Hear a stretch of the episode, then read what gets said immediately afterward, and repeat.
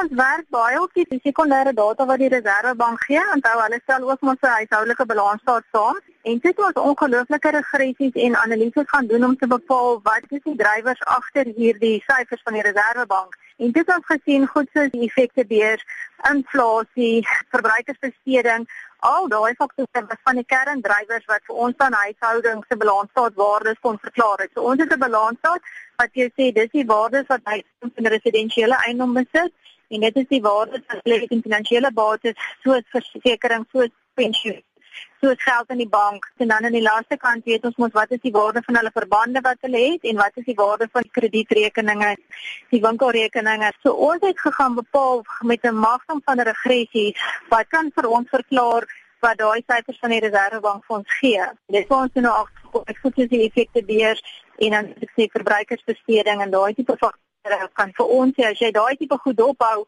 het jy 'n verwagting wat met huishoudelike soort van gebeur. Het julle bereken dat mense bo hulle vermoë leef?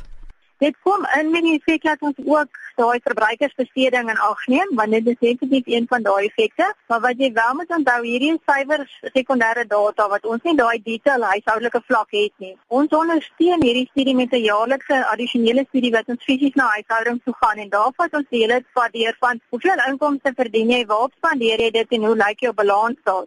En uit daai tipe goeder kan jy sien dat daai oorbesteding bo hulle vermoë kan jy uit daai detail vlak beter sien. Maar ons is besig met baie van die werk om juist hierdie kom ons sê amper die transmissiepad tussen inkomste en uitgawes wat effek is oor na balansstaat te kan sien. Wat ons ook op werk is waarvoor gebruik die mense die skuld? En daar sien ons ook baie van die skuld word vir bedryfsbesteding gebruik en nie vir produktiewe bates. Wat van ongesekureerde skuld? Ons kon sien en as jy na die samestelling van die balansstaat kyk, dan onthou die groot goed twee is maar jou verbande en aan die ander kant is dit jou nie gesekureerde skuld.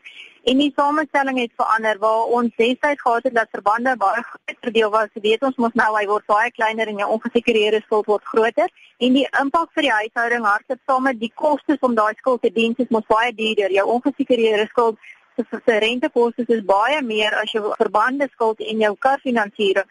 So dit plaas ekstra druk op die huishouding nou het hy nog steeds minder geld wat hy nie kan spaar nie want sy skuld wat hy moet dien vir se duur.